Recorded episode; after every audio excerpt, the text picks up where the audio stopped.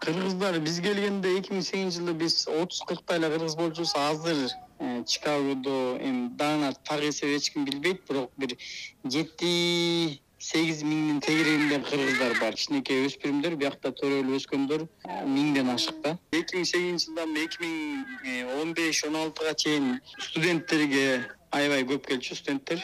Андан кийин кайсы бир деңгээлде биз дагы убадалар сатып калбай студенттер ар кандай жолдор менен калып кетип жана көптөгөн программалар жабылып калып студенттердин виза алышы кыйынчылыкка учураган. Акыркы эки жылды алсак мыйзамсыз жол менен деп айтабызбы же кайсындай жол деп айтсак э, туура болот билбей турам бирок э, мексика аркылуу э, келген кыргызстандыктар аябай көп кездешип атат. Бизге биздин коомубузга же жеке өзүмө аябай көп көп жардам суроолор болот бирок биз бир гана айтканыбыз аларга андай жактан биринчиден жардам бере албайбыз. Мындай физический финансовый жардам бере албайбыз. Экинчиден биз баарын айтабыз да мыйзам жол менен келгиле визага киргиле виза менен келгиле грин кард толтургула камакта отуруп калып жардам сурагандар аябай көп. Эми угуп отурсаң ар кимдин тагдыры ар башка кейишерлик э, өкүнөрлүк жардам сураган аябай көп. Алданып келип калыптырбыз түрмөгө мындай кылдык. Даже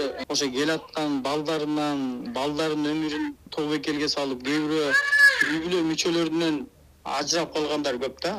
Тобокел кылып жолго чыгып алып орто жолдон алданып калып үй бүлө мүчөлөрүнөн айрылып калып түрмөдө айлап айлап жатып психологический ооруларга кабылып ошондой мекендешендер көп да.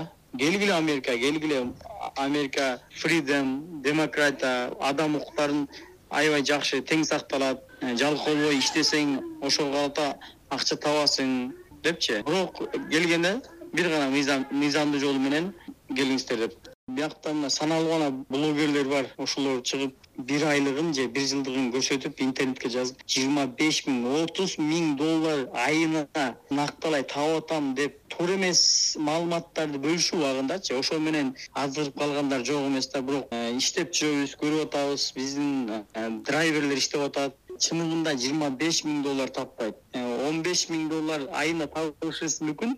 Бирок ошонун расходу менен э, чыгымдары менен сиз айына бир беш миң балким он миң доллар табышыңыз мүмкүн. Трак бизнес азыр аябай солкундап калып инфляция тогуз точка алтыга жетти да.